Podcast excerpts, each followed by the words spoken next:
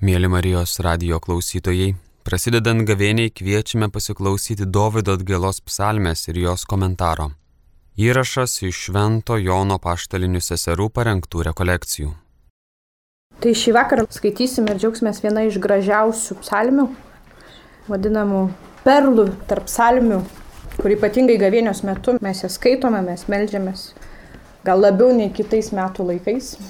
Pradžioj perskaitysim ją, o po to bandysim pabiškuti atrasti ją, susidraugauti su ją ir, ir rasti, kaip viešpat mus veda kartu su šiuo psalmininku, kuris parašė šią psalmę. Choro vadovui Davido psalmė. Atėjus pas jį pranašui Natanui po jo nusidėjimo su Betšeba.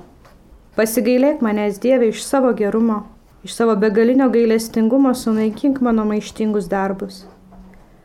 Kas kart nuplauk mano kaltę, valyk mane nuo mano nuodėmės.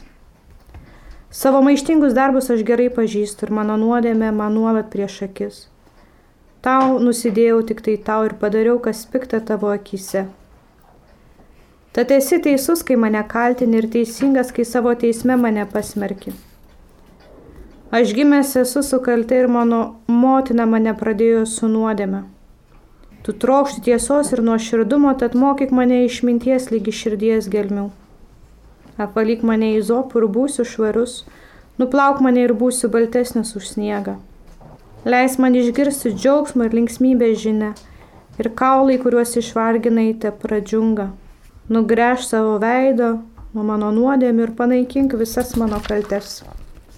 Sukurk man tyrą širdį Dievį ir atnaujink manyje ištikimą dvasę. Nevaryk manęs nuo savo artumo, nenuimk mane savo dvasios šventosios. Leis man vėl džiaugtis tavo išganimu, te palaiko mane nori dvasia. Mokysiu nedorilius tavo kelių ir nusidėjai sugrįž prie tavęs.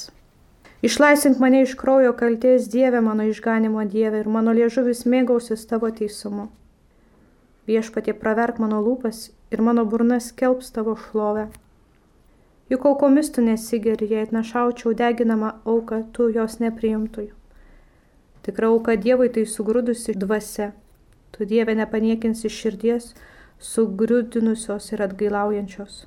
Būk dosnus Jonui iš savo gerumo ir te būna atstatytos Jeruzalės sienos. Tada tau patiks teisios aukos, deginamosios atnašus ir deginamosios aukos. Tada jaučiai bus atnašaujami ant tavo aukuro. Kartais mes taip dažnai galim ją skaityti, kad jau net nebeparagaujam jos. Ir man skaitant šią psalmę ir, ir, ir ieškant komentarų, aš, aš vėl iš naujo galėjau paragauti psalmę. Skonėtis, aš skaičiau komentarą ir skonėjausi, kokia skani psalmė, kaip jinai toliau veda. Noriu pasidalinti šitais pasiskonėjimais. Kaip sakiau, tai vienas iš Biblijos perlų, kurį ypatingai ragaujam per gavienę. Tradicijoje kalbama, kad tai yra Davido psalmė, kad psalmė pats parašė Davidas po jo skaudžios patirties, kai jisai nusidėjo. Manau, puikiai atsimena tą istoriją. Ir randam antroji Samuelio knygoje 11-12 skyriui. Kai Davidas karo momentu atostogavo pas save, ramiai savo ilsėjusi viršų ir jisai pamatęs gražią moterį susižavėjo ją ir jisai pasikvietė pas save į svečius jinai tapo nešia. Ir jisai po to kažkaip bandė išsisukti iš tos situacijos ir kažkaip bandė, kad jo vyrą surasti Uriją ir kažkaip pasiūsti, kad jisai grįžtų namo pas savo žmoną tuo laiku, kad sutvarkyti, kad čia būtų jau, kad ne, ne Dovido būtų tas vaikas. Urijas daug uolesnis negu Dovydas, tą akimirką jisai su leidimu savo karaliaus grįžti namo, jisai negrįžta namo, jisai yra ištikimas iki galo. Ir jo ištikimybė jam kainavo gyvybę jisai Davido nusiustas į, į pirmasias linijas ir jisai yra tyčia, galima sakyti, ne savom rankom nužudomas. Ir tada Davidas prasiveda namo Betšeba. Dar istorija labai sudėtinga, nes ir su, su, su vaikeliu yra tikrai skaudi istorija, nes vaikelis ant galo miršta. Jeigu kalbam apie Davido nuodėmę, kas atsimena tą momentą, kai pranašas Natanas ateina Labai spūdinga, kai skaitom būtent tą momentą, kai nusidėjo Davidas, taip viskas, nu, tu tokia istorija, va taip įvyko, taip, taip, taip, taip, taip. Ir, Ir nei jokio, kad Davidas kažkaip čia negerai darau, kažkas ne taip. Tokių net klausimų net negimsta. Nu čia maždaug viskas gyvenimiška. Būna gyvenime tokios situacijos, viskas gyvenimiškai. Nu išeina taip, gal daug nesiklausinėkim, nes per daug sudėtinga. Ir būna gyvenime pranašai. Ir Natanas, mums būna gyvenime pranašai. Ateina, kur sako, gal tu ten, žinai ką, netaip jau gerai buvo. Ir Davidui buvo ta malonė, kad atėjo Natanas pas jį ir sako, žinai, aš tau istoriją turiu papasakoti. Ir jisai pasakojo, žinai, buvo vienas vyras labai neturtingas, jis turėjo vieną mažą velę, kurią labai labai mylėjo, kurią labai rūpinosi. Ir buvo vienas karalius, kuris daug, daug, daug bandų turėjo. Ir, ir karalius priėmė svečią, sako, jisai papjauna to vargšo velę. Ir pirmas, kaip Davidas reaguoja, jis vertas mirties, taip negalima elgtis, čia labai neteisinga, nu tas teisingas karalius, kuris reaguoja. Ir Natanas sako, tai tu. Ir labai graži pirma reakcija Davido, mes kai mums pasakom, suprantam, kad mes nuodėmingi, ką mes, o ne, ne, ne, aš ten taip, nu ten taip buvo sudėtinga, ten mes kažkaip bandom išsisukti iš mūsų nuodėmę. Pirma reakcija Davido, kas yra iš tikrųjų labai gražus, pasako, aš nusidėjau, aš taip padariau. Prisipažino, nuoširdžiai paprastai taip nusidėjau. Ir jisai neišsisukinėjo iš savo nuodėmės. Ir būtent bažnyčios tradicijų, bibliniai tradicijų tiksliau, Šitą psalmę yra kalbama, kad Davidas meldėsi šitą psalmę prašant Dievo gailestingumo. Iš tikrųjų, kaip e, labiau įsigilinam į psalmę, švento rašto tyrinėtojai, jie suprato, kad jinai biški vėliau parašyta. Iš tikrųjų, pagal tradiciją sako, kad jinai parašyta maždaug šeštame amžiuje prieš Jėzų Kristų, o Davido istorija yra dešimt amžių, tai tūkstantis metų prieš Jėzų Kristų. Labai, labai jaučiam, kad šitoj psalmėje, kai skaitom, matom labai didelį įtaką pranašų, ypatingai Jeremijo, Ezekielio, kur kalbame apie sugrūdusią širdį, apie naują širdį, apie tą širdies aspektą ir taip pat labai kalbama apie tremtį. Žinau, kad tremtis daug vėliau po Davido. Jau kalbam apie tremtį, o Davidas nepažinojo tremties. Taigi jau kalbam apie, istoriškai dar, kad šita psalmė yra parašyta vėliau. Horano vadovui taip pat įvedas pradžioj Horano vadovui Davido psalmė, atėjus pas jį pranašui Natanui po jo nusidėjimo su Bečeba. Ši giesmė sudedama į Davido lūpas. Tai reikia įsivaizduoti, kad kad ši psalmė yra Davido malda. Ir psalmininkas, kur galbūt vėliau ją parašė, jisai pilnai save supranta, kad aš esu Davido sunus, kad aš esu to pačio kraujo kaip ir Davidas. Kad tas, kuris melsi šią psalmę, puikiai supranta Davidą, nes jisai irgi pažįsta neištikimybę, irgi pažįsta žmogžudystę, jis atpažįsta, kad nuodėmė gyvena jame taip pat kaip ir Dovydė gyveno. Ir kad visi žmonės savyje gali atpažįsti jo mylimo, pačio mylimiausio karaliaus nuodėmingumą, bet iš kitos pusės ir ūmumą sugrįžti pas Dievą. Jeigu jau karalius Davidas nusidėjo, tai nu, man jau to labiau aš nusidėsiu. Jeigu karalius Davidas ūmiai sugrįžo pas viešpati prašant gailestingumo, tai ir aš galiu sugrįžti ūmiai. Man jis yra kaip pavyzdys. Visos kartos per amžius, kiek meldėsi šios salmės, gyvena tuo įsitikinimu, kad ir kokios jų nuodėmės yra, jie gali sugrįžti prie gailestingumo. Jie gali sugrįžti prie tos meilės, kurie atpažįsta viešpatyje. Kaip Davidas atpažino. Žinot, psalmės kai kurios sako yra asmeninės labiau psalmės ir psalmės yra kur bendruomeninės, kurios bendruomenė labiau padeda melstis, nes kalbama apie mes labiau. Ir psalmės, kurios labiau kalba apie asmeniškumą. Čia jau mano santykių su Dievu. Ir kyla klausimas, tai kokia šita psalmė labiau asmeniška ar bendruomeninė? Ir iš tikrųjų, kaip skaitom, jinai iš tikrųjų labiausiai asmeniška, nes taip giliai paliečia mūsų asmeninius gyvenimo istorijas, jinai be galo žmogiška, tai vadinasi be galo bendruomeniška, nes mes visi esame tose pačiose situacijose. Išskyrus mergelę Mariją, mes visi, kaip sakant, reikalingi gailestingumo. Ir tas, kuris sako, nenusidėjau, tai žinot, ką Jėzus pasakė tiems, kurie nenusidėjot. Tai pirmas mes, tai kas pradėjo trauktis, tai tie, kurie jau tikrai turėjo daugiausiai patirties suvokiant, kad, kad yra nuodėmingi. Taigi, šios psalmės planas. Tekstas yra turi savo mažą planą, tai pirmi dvi eilutės, tai vad įvadas, matot, kad, kad kalba apie, apie istoriją, apie ką kalbame, tai apie Dovydą, apie jo nusidėjimą, apie jo nuodėmę. Trečios ketvirta eilutė, tai yra šauksmas gailestingumo, prašant gailestingumo tokio. Pirmasis toks įvadinis kreipinys Penktos, aštuntos eilutės tai nuodėmės išpažinimas, kaip Dovydas išpažįsta savo nuodėmę pilnai. Devinta, vienuolikta eilutė kalba apie ištyrinimą, troškimas būti tyram, švariam. Dvylikta, keturiolikta eilutės kalba apie meldimą suteikti naują širdį. Čia ypatingai matysim labai didelį įtaką pranašų. 15-19 eilutė kalbame, kaip šis nusidėjėlis tampa gailestingosios meilės apaštalas. Ir paskutinės 20-21 yra meldimas sugražinti šventovę. Matysim, kuo ypatingos tos paskutinės. Taigi, pirmas įvadas. Pasigailėk manęs Dieve iš savo gerumo, iš savo begalinio gailestingumo, sunaikink mano maištingus darbus, kas kart nuplauk mano kaltę, apvalyk mane nuo mano nuodėmės. Tradicijoje kalbame, ką sakom, mizerere, mizerere psalmė, pasigailėk manęs. Jeigu taip įsiklausom, tai yra šauksmas, kuris pilnas nerimo ir pasitikėjimo kartu. Tas nusidėlis, kuris virpa, suvokia savo nuodėmę, dreba, bet kreipiasi Dievą. Nuodėmė jį pasmerkia. Žvelgiant į nuodėmę, nieko kito, tik tai pasmerkimas yra. Bet mizerė pasigailėk manęs, reiškia, aš prašau malonės, aš prašau pasigailėjimo. Nuodėmė jį prikala prie žemės, bet jis te gali matyti tik Dievo meilę, švelnumą, gailestingumą, kurį visada lydėjo. Dovydas atpažįsta, Dievas staiga nedings, jisai lieka. Jisai žino, koks Dievas yra. Ir šitie epitetai, kur pa, iš savo begalinio gailestingumo sunaikink mano, nuplauk mano kaltę, mano nuodėmės, ką sako, tai jisai pažįsta Dievą. Ir jisai žino, jau atsimat iš Mozės istorijos, kaip Mozė kreipėsi į, į viešpatį, jis kalba Mozė iš išeimo knygos. Viešpats, viešpats, esu gailestingas ir maloningas, Dievas, lėtas pykti, kupinas gerumo ir ištikimybės. Lydintis gerumu lik tūkstantosios kartos atleidžiantis kaltę, nusižengimą, nuodėmę, jis meldžia. Tai jau kalbam apie Dievo gailestingą. Tai čia, čia toksai besikartojantis melodija visą laiką. Dievas gailestingas, maloningas. Ir jis būtent kreipiasi į šitą Dievo meilę ir šitos meilės matmuo, šventas Augustinas tai sako, yra be matmens. Nu, kaip skaičiuojam su liniuote, Tai koks matmuo ten? Vienas centimetras sako, tai būtent Dievo meilės matmuo tai nėra matmens, nes tai yra begalinis šaltinis, gailestingumo šaltinis, be baigos neišsenkantis. Ir tai būtent labai gražiai kalba. Mes kalbėjome vienas iki apie gailestingumą, kuris gali įsiversti du žodžius - rahamina ir hedes. Rahamin kalba apie Dievo gailestingumą, kuris kaip iššios, kuris eina kaip šaltinis gyvybės, atgimdančios naujam gyvenimui.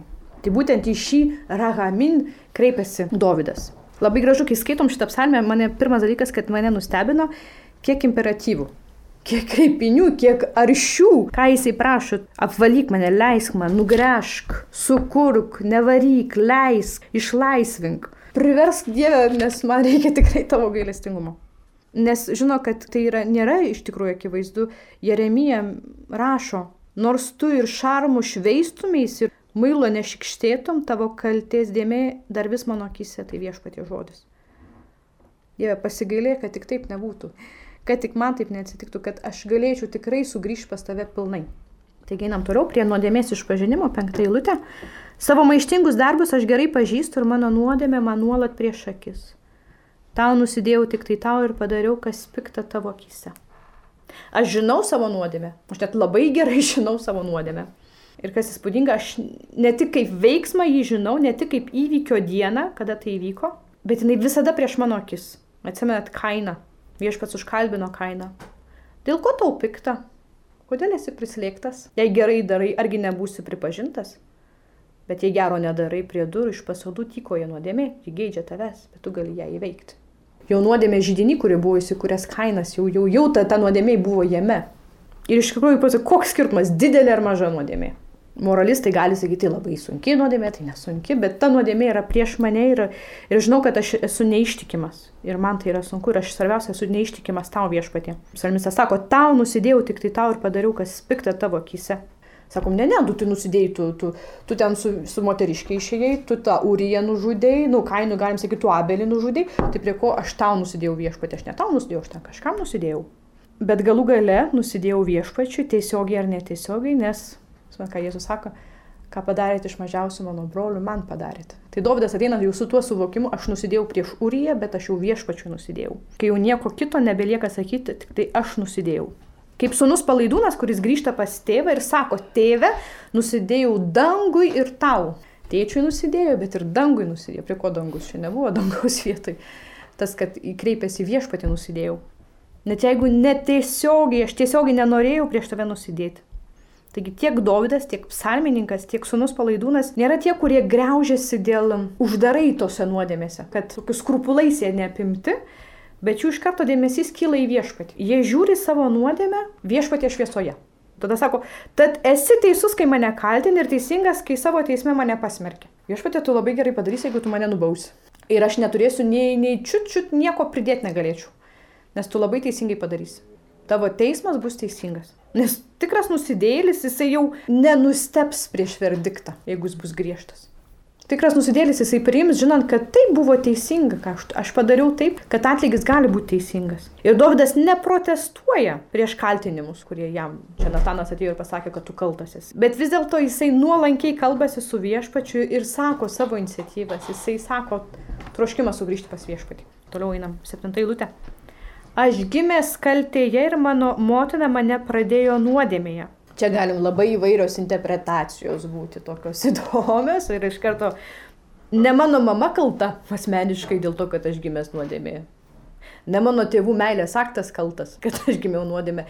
Čia ne apie tai kalba, kai kurie gali suinterpretuoti. Nu tai va, tai čia va, čia sako, kad santokinis aktas, seksualinis aktas tai yra nuodėmė. Čia ne apie tai kalbama.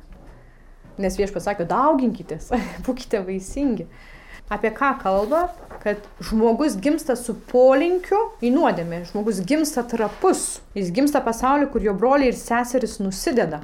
Jau Jobas kalba apie tai, kas yra mirtingasis, kad galėtų būti švarus apieigoms, ar gimusis iš moters, kad galėtų būti teisus Dievo akise. Kas gali būti švarus? Dovydas pats Jobas, kuris jau buvo teisus, sako, kas gali būti teisus. Izaijas sako, pačioje pradžioje, o aš tariau, Vargas man, nes esu žuvęs, aš žmogus, kurio lūpos suteptos, gyvenu tautoje, kurios lūpos suteptos, savo akimis reikiu karalių, galybių viešų. Suvokimas, kad esam sutepti nuo pat pradžių. Ir Šventas Paulius taip pat laiškė romiečiams. Aš nedarau gėrio, kurio trokštų, o darau blogio, kurio nenoriu. O jeigu darau, ko nenoriu, tai nebe aš tai vykdau, bet manyje gyvenanti nuodėmė. Ir e, pradžioje knygoje irgi kalbame apie tai. Esame kaip po Nojaus istorijoje verdiktą pasako, galima sakyti. Nes žmogaus širdies polinkį yra pikti nuo pat jaunystės. Čia dar prieš tvaną. Nu, jau mato, kad tokia jau yra nuodėmė. Atsimet, ką Jėzus pats sako. Jėzus žinojo, kad žmogaus širdyje darosi ir žinojo, kad yra polinkis į piktą. Senajame testamente mes dar net nekalbame apie gimtinę nuodėmę. Dar nėra tos dogmas čia čia. Vėliau yra atrasta ir kad, kad krikšto malonė mus išlaisvina iš jos. Bet jau Senajame testamente matom visą tai kad jau žmogus yra suvokimas, kad mes turim polinkį nuodėmę nuo pat pradžių, kad gimstame trapus. Tie žodžiai, kad aš esu gimęs su kaltė ir mano motina pradėjo su nuodėmė, kad aš nuo pat vaikystės turiu polinkį nuodėmę. Aštunta eilutė. Tu trokši tiesos ir nuoširdumo, todėl mokyk mane išminties lygi širdies gelmių. Na čia pati viena iš gražiausių eilučių. Tu trokšti tiesos ir nuoširdumo. Iš vas trokšta, kad mes būtume tiesoje, tiesoje su mūsų nuodėme, bet taip pat būtume nuoširdus pripažinti ir nuoširdžiai gailėtis, nuoširdžiai sakyti, kas esame. Ir kad rasti būdą tarp dviejų reikia daug išminties. Taigi, tu trokšti tiesos ir nušumo viešpas apšviečia net giliausias mūsų tamsumas. Jis mums leidžia pažinti, kiek blogis gyvena mumise. Mokyk mane išminties, apšviesk mane iki širdies gelmių. Arso klebonas, žinote, atsimenu tą istoriją Arso klebono. Arso klebonas labai labai meldė vienos malonės pažinti, koks jisai yra nuodėmingas, kad gerai galėtų eiti iš pažinties. Jis gavo tą malonę ir po to visiems sakė, niekada, niekada neprašykit šitos malonės. sako, labai rizikinga įkristi labai gilę depresiją, sako, nes tada matai taip visus savo griekus, sako, kad nėra kur dėti, sako, žinai, kad nu, labai sunku tada tikėti Dievo gailestingumu, kai iš tikrųjų matai iki smulkmenų nuodėmingumą, kuris gyvena mumise. Sako, niekada neprašykit šitos malonės. Aš paprašiau, gavau, nepatariu niekam. Ir vis dėlto reikia mums šios malonės, nes žmogus, kuris nemato, kad yra nuodėmingas, nu, plaukia paviršium. Iš tikrųjų, kai viešpats mums leidžia pažinti nuodėmingumą, kuris gyvena mumise, jis mums padeda atsistoti ant tvirto pagrindo. Tvirtas pagrindas, kuris yra tiesa, kuris nugali melo, tai yra nusigrėžimo nuo tiesos ir nuo nuodėmės. Atsistoti tiesiog ant tvirto pagrindo tai yra tiesos. Ne ant tvirto pagrindo, kad apie iliuzijas, kaip turėtų būti ir kaip čia aš norėčiau, kad būtų, nes kartais mes bėgam nuo nuodėmės, nes mums nelabai patinka, nes kažkaip gražiau kaip gražu. Kai negražu, tai negražu, nesmagu. Ir mes kartais biškai apipošiam tokius dalykus, kai kurie biškai prideda prie savo nuodėmių papildomų, bet atsistoti ant tvirto pagrindo. Tiesoje eiti su viešpačiu toliau. Ką toliau skaitom? Devintą eilutę. Apvalyk mane į zopų ir būsiu švarus, nuplauk mane ir būsiu baltesnis už sniegą. Atsimet, pradžioje kalba nuvalyk mane, apie nešvarumą buvo kalba, dabar daug stipriau yra kalbama. Kalbam apie raupsus, izopų nuvalyk mane. Kodėl? Dėl to, kad izopas buvo naudojamas ypatingai, kai grįždavo raupsuoti, grįždavo į, į visuomenę. Nes mes žmonės, kurie būdavo, gaudavo raupsų lygą, jie būdavo izoliuojami. Jie būdavo išmetami iš bendruomenės, jie gyvendavo dykumuose atskiruose bendruomenėse. Raupsai taip, kad tau sugadina visą tavo gyvenimą, tavo visą būti, visko netenki.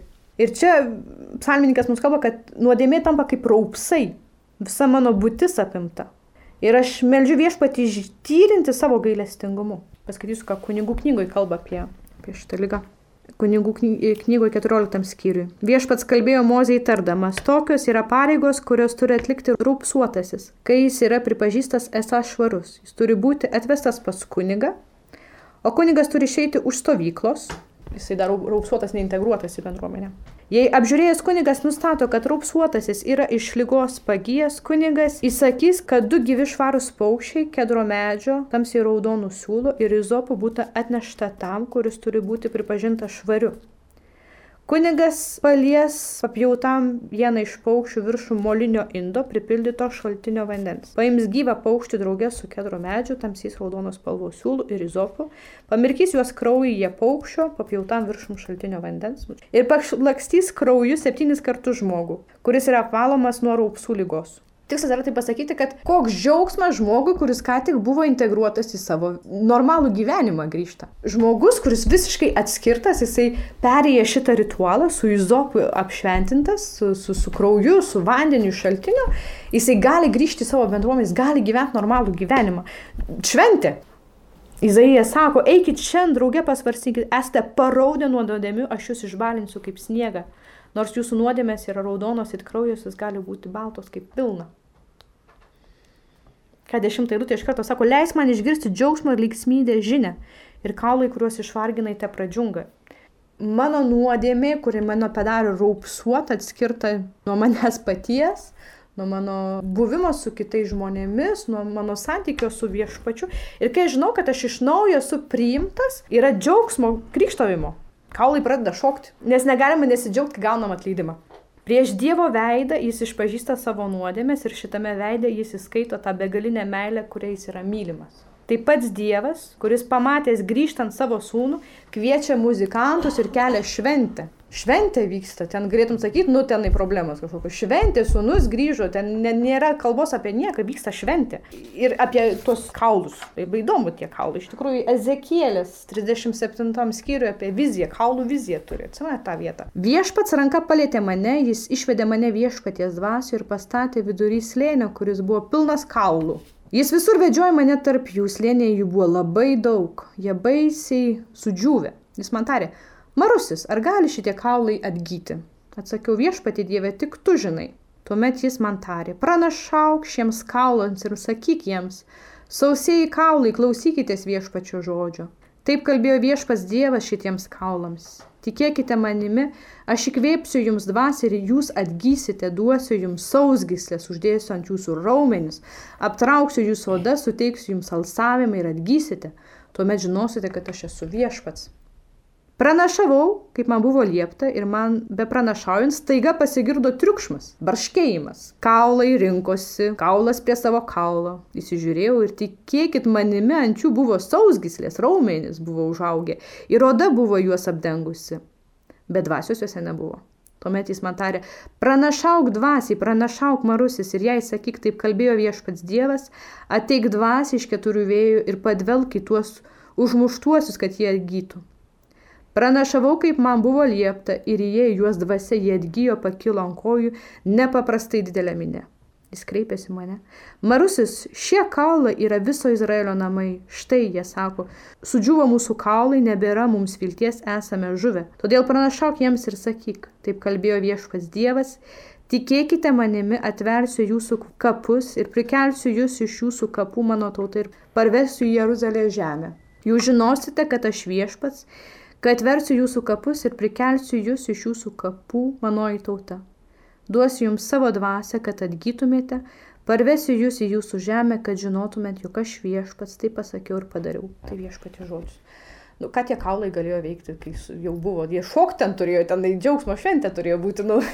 Tai būtent kalba apie, apie tą džiaugsmą, apie tą šventę, kurią tėvas surengė. Tai, kas buvo visiškai mirę, visiškai netekę, tik tai kaulų krūva, tapo gyvastimi.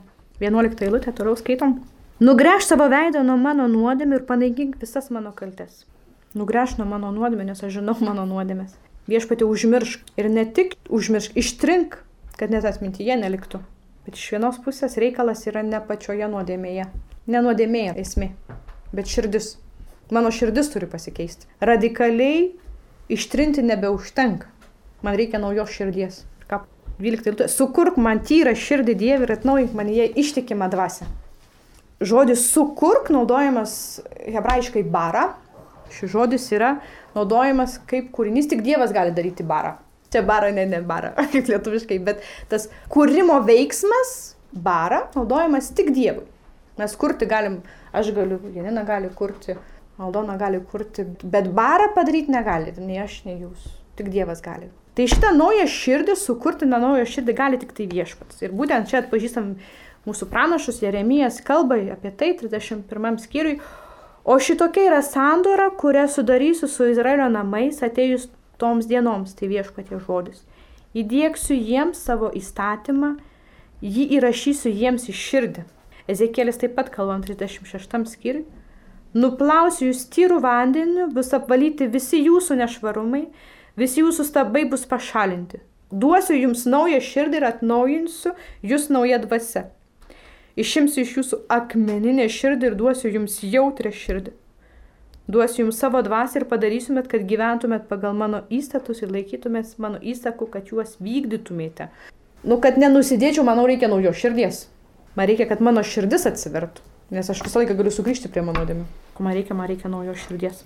Dievo atleidimas eina taip toli, nes atleisti tai nėra vien tik pataisyti. Atleisti jam tai yra atkurti. Argi taip pat ne, neprisimant su tėvą, su sunum palaidūnu, ką tėvas dovanojo sūnui? Naują drabužį. Aprenkite jį iš naujo. Simboliškai galim kalbėti, kad duokit jam naują širdį, naują gyvenimą duokit. Kad viskas būtų nauja. Kas gražu ir beprotiška Dievo meilė tokia mums, kad jis duoda naują širdį. Ir tai, ką mes galim išgyventi susitaikinimo sakramente. Tikėjime žinau, kad viešpats mane visiškai atnaujina. Aš ne tik tenai nuodėmės, galbūt tik pretekstas, kad man duotų naują širdį, bet sugrįžti pas viešpatį. Atsimet, kalno pamokslą. Labai gražus vienas palaiminimas yra. Palaiminti tyrą širdį jie regės Dievą. Tyra širdis, kuri mato Dievą. Tyra širdis neiškilauja pas kitus dievus nekeliauja, ne, neina susitikti su Kristus. Yra širdis, kuria ištikima. Kas sako, sukurk man tyrą širdį, atnaujink mane ištikimą dvasę. Tad yra širdis, kuri grįžta. Tie, kurie sekioja paskui avinėlį. Nes jie ištikimai sekioja paskui avinėlį. Ir būtent tas ir kalba apie nekaltumą yra tą prisirišimą ir tyrumą. Ką toliau skaitom mūsų psalmiai? Nevaryk manęs nuo savo artumo, nenuimk nuo manęs savo dvasios šventosios, leis man vėl džiaugtis tavo išganimu, te palaiko mane nori dvasia. Šios eilutės viena kita šnek. Nevaryk manęs nuo savo artumo, nenuimk nuo manęs savo dvasios šventos. Leis man vėl džiaugtis tavo išganimu, te palaiko mane nori dvasia. Nori dvasia, čia labai gražu. Didžia dvasiška dvasia. Uoli dvasia. Vieni vertimai labai gražiai verčia yra. Čia vertimo vertimas dabar jau sakau, bet tai karališka, princesiška širdis, tokia kilni širdis kuri mus ragina eiti vis tolyn, kuri ragina eiti eiti prieki, kuri ragina būti atsiliepti šventosios dvasios kvietimus, taip kaip Paulius kalba Galatams penktam skyriui. Aš sakau, gyvenkite dvasia ir jūs nepasiduosite kūno geismams. Mat kūno geismai priešingi dvasiai, o dvasios kūnui. Jei vienas kitam priešingi, todėl jūs nedarote, kaip norėtumėte. Bet jei leidžiate dvasios vadovaujami, jūs nebesate įstatymo valdžioje. Kūno darbai gerai žinomi, tai ištvirkavimas, netyrumas, gašlumas, tadmeldystė, burtaninkavimas, priešiškumas, nesantaika, paviduliavimas, piktumai, vaidai, nesutarimai, susiskaldimai, pavydai, kirtavimai, apsirijimai ir panašus dalykai. Aš jūs įspėju, kad kaip jau esu įspėjęs, jog tie, kurie taip daro, nepaveldės Dievo karalystės. Dvasios vaisiai yra meilė, džiaugsmas, taika, kantrybė, malonumas, gerumas, ištikimybė, romumas, susivaldymas. Tokiems dalykams nėra įstatymo, kurie yra Kristaus Jėzaus, tie nu, nukryžiavo savo kūnų su aistromis ir geismais. Jei gyvename dvasia, tai elkime pagal dvasę. Nesivaikykime tušios garbės, nerzinkime vieni kitų, nepavydėkime vieni kitiems. Jei gyvename dvasia, tai elgiamės pagal dvasę. Te palaiko mane nori dvasia. Ir čia labai gražu, mes galime atpažinti visos šventosios trejybės veikimą. Kaip atrasti tą trejybę? Tai kas mus išgano galų gale, kas, kas duoda tą troškimą, kad mes būtume išganyti. Tėvo troškimas mus išganyti. Tėvo išganinga veikla apsireiškia tą dieną, kai jis atsukęs savo veidą Jėzuje Kristuje, mums dovanoja savo šventą dvasę. Taigi, tik dėka šventosios dvasios mes pilnai su tikru džiaugsmu galime sugrįžti. Nu, jau pilnatvėje tas atleidimas yra. 15. Mokysiu nedorilius tavo kelių ir nusidėliai sugrįž pas tave. Labai gražu. Psalmininkas šitas jau, jau taip sugrįžęs pas Dievą, jis te galvoja tik vieną dalyką, kaip dabar visus kitus sugražinti pas viešpatį. Kaip čia dabar, ne, aš negaliu savo pasilikti viso šito reikalo, čia man taip atsitiko, bet taip palapalapala. Visiems taip turi būti dabar gerai. Patys geriausi ir aršiausi ir karščiausi evangelizuotojai yra tie, kurie ką tik šviežiai atsivertė. Dar dažniausiai mūsų tokius biškius senus krienus, kur jau, jau, ai, nu jau, tai gal tiek to. tai kas mus dažniausiai biškius su, su, pa, pa, pasako, nu, nu, nu, negerai čia biškuti. Tai dažniausiai tie, kurie šviežiai išgyvenė Dievo gailestingumo, karštai išgyvenė. Tai mes dar sakome, nu tai tu pamatysi, dar čia ne viskas taip gražu. Bet iš tikrųjų, jie taip išgyvenę karštai, tai yra toks jau principas, kad tie, kurie karštai išgyvenėme Dievo gailestingumą, apie vieną tik galvoja, kaip čia visus kitus susigražinti.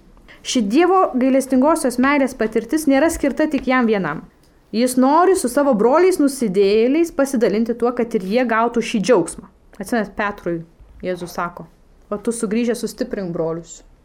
Petras yra mūsų Petras ne dėl to, kad jisai buvo, bet labai jau viskas su juo gerai buvo. Petras ant jo galim remtis, nes jisai žinojo, ką reiškia drebėti, bijoti, suklysti, atsiprašyti, gailėtis. Ir taip jisai mus gali sustiprinti. Ne tie, kurie nu, nenusidėjo. Ir Biblijoje ištisai kartojasi tokie dalykai. Samarietė. Penkis vyrus turėjai. Nu jo, turėjau.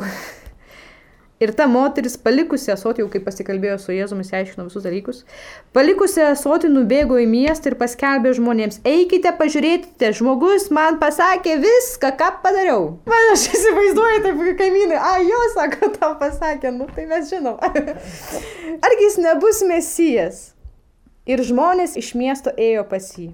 Samarietė pirma patirtis gavo tiek, jas, jinai taip troško tos meilės, gavo iš Jėzaus, tai jinai, nu, nu, taip tai būtų galbūt, tai tu Jėzau pabūk su manimi, žinai. ne, ne, jinai norėjo su visais pasidalinti tą meilę. Penkioliktas Lukos skyrius, gailestingumo skyrius vadinamasis. Apie pamestą avelę, apie pamestą drachmą, apie sūnų palaidūną ir ką kalbame.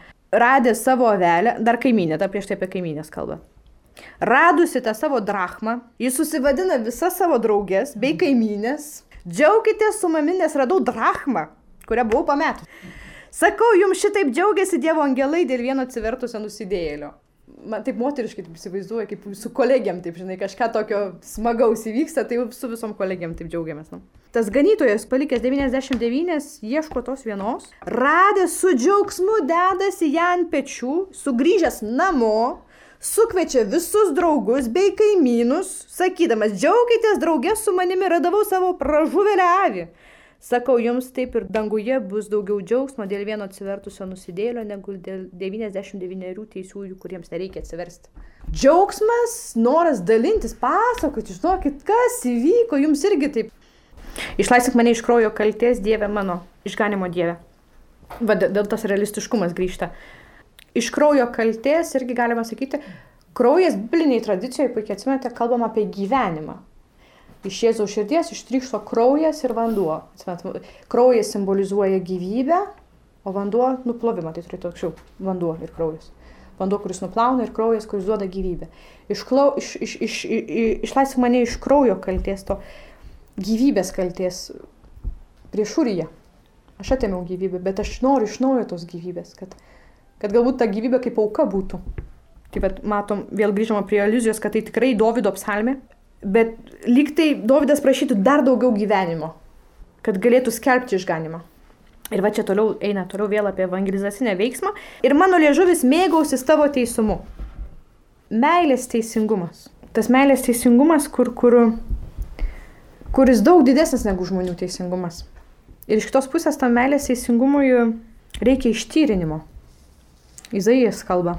Atsimet, tuomet vienas iš serafinų priskrido prie manęs laikydamas rankoje žėruojančią žaryją, kurie buvo pametę, paėmę žinipelėmis nuo altoriaus, ją palėtė mano burną. Štai tarė jis, žaryja palėtė tavo lūpas, tavo kaltė yra panaikinta ir tavo nuodėmė apvalyta. Tada išgirdau viešpatės dalsą, ką man siūsti, kas gali būti mano pasiuntinys, o aš atsilpiau, štai siūsk mane.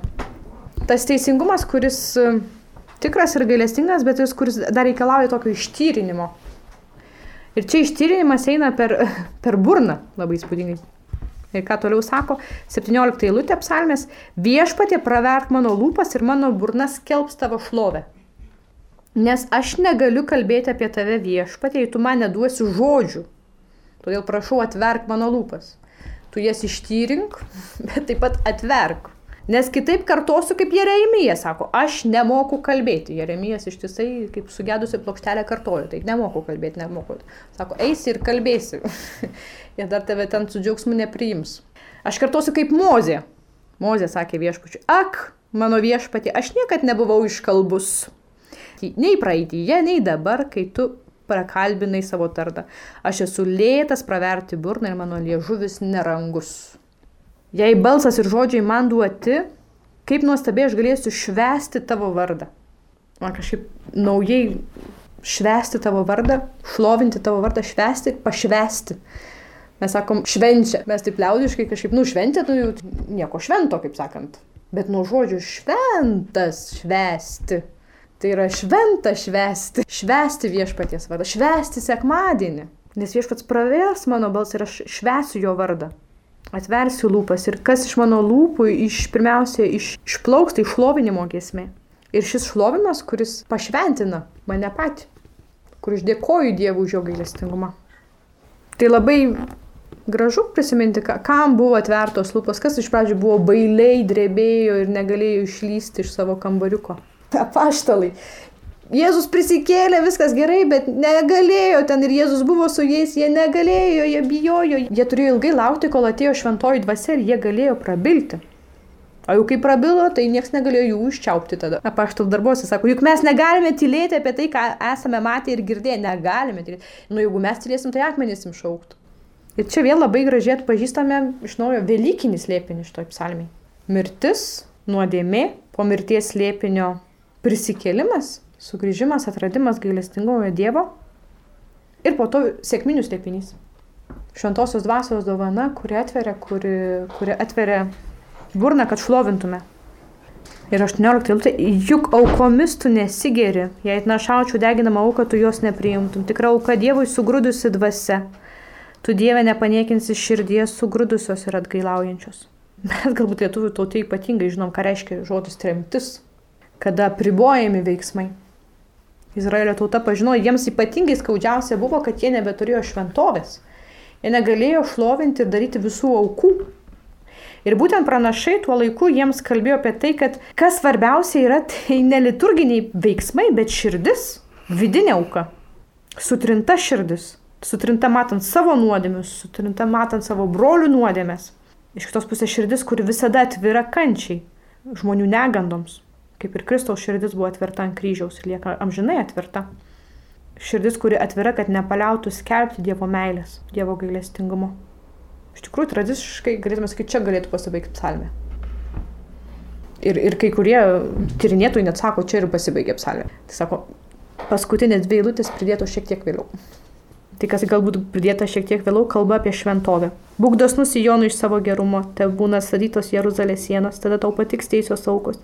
Deginamosios atnašos ir deginamosios aukos, tada jaučiai bus atnašaujami ant tavo kuro. Troškimas sugrįžti. Tautai buvo svarbu sugrįžti namo. Kokia stipri patirtis išgyvenant remimą, bet kas remime leidžia išgyventi, kad galėsim sugrįžti, kad galėsim atkurti, kad galėsim gyventi. Taip ir, ir, ir Izraelio tautai troškimas sugrįžti. Jeremija sako, atnešiu jums vaistą ir išgydymą, pagydysiu jūs ir apreikščiu jiems tikros gerovės perteklių. Aš sugražinsiu judo tremtinius ir Izraelio tremtisiu.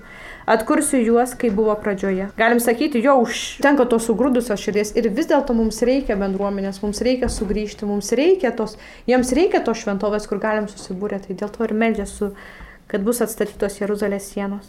Kad mes būsim išmokę mūsų pamoką. Svarbiausia tai vidinė širdis. bet viešpatė sugrįž, kad su, su, sugrįžtume, kad galėtume sugrįžti kiekvienas į pas tave, nes tas, kas, kas įdomiausia su, su, su mūsų nuodėmeningu, kad, kad visada nusidedam. Vis laik iš naujo reikia pradėti istoriją.